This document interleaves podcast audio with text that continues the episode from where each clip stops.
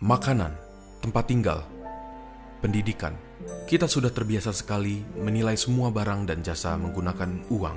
Kita bahkan menilai uang dengan uang. Kita lupa bahwa uang yang berada di bank hanyalah sejumlah angka di komputer, dan uang di dompet kita hanyalah kertas yang berkilat. Semua uang hanya memiliki nilai karena kita ingin menukarkan uang dengan hal yang lain. Ketika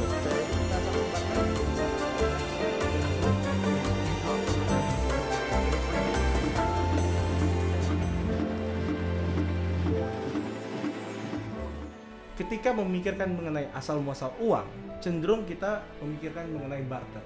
Barter adalah transaksi yang dilakukan tanpa menggunakan medium uang.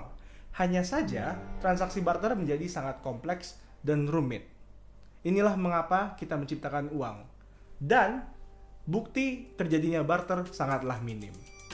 Bahkan beberapa ekonom menilai barter sebenarnya hanyalah sebuah teori yang diciptakan untuk memudahkan penjelasan akan transaksi, bukan teori yang membahas apa yang telah terjadi.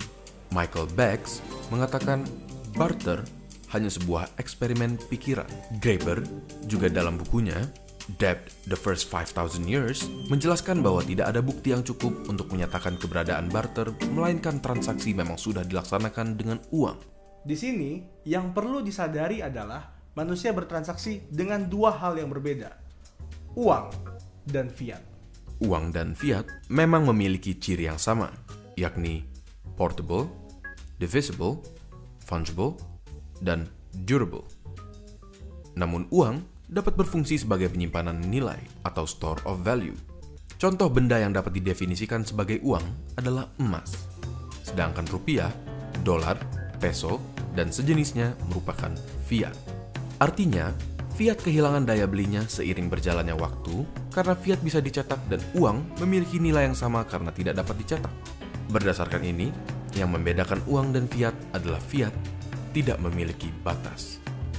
Emas telah dijadikan sebagai media transaksi dan sebagai alat penyimpanan dari dulu. Di masa modern, emas sempat dijadikan sebagai basis keuangan yang disebut commodity money. Tapi, kita tidak mungkin membawa emas yang berat ke mana-mana kan? Nah, di dalam sistem commodity money, emas-emas tersebut hanya disimpan di bank dan transaksi akan dilakukan dengan kertas yang menyatakan kepemilikan emas tersebut. Oleh karena itu, kertas yang dibawa-bawa merupakan claim check. Di dalam sistem ini, emaslah yang merupakan nilai sesungguhnya dan kertas-kertas yang dibawa merupakan hak klaim untuk menggantikannya menjadi emas yang disimpan. Sistem commodity money digantikan dengan mata uang fiat. Fiat adalah alat tukar yang dicetak sesuai kehendak pemerintah. Menurut hukum ekonomi, semakin banyak suplai suatu barang, maka semakin rendah nilainya. Berbeda dengan emas yang bersifat terbatas dan langka, emas tidak dapat dicetak, sedangkan fiat dapat dicetak. Berkat suplai fiat yang dapat ditambah dan memang ditambah, terjadilah inflasi.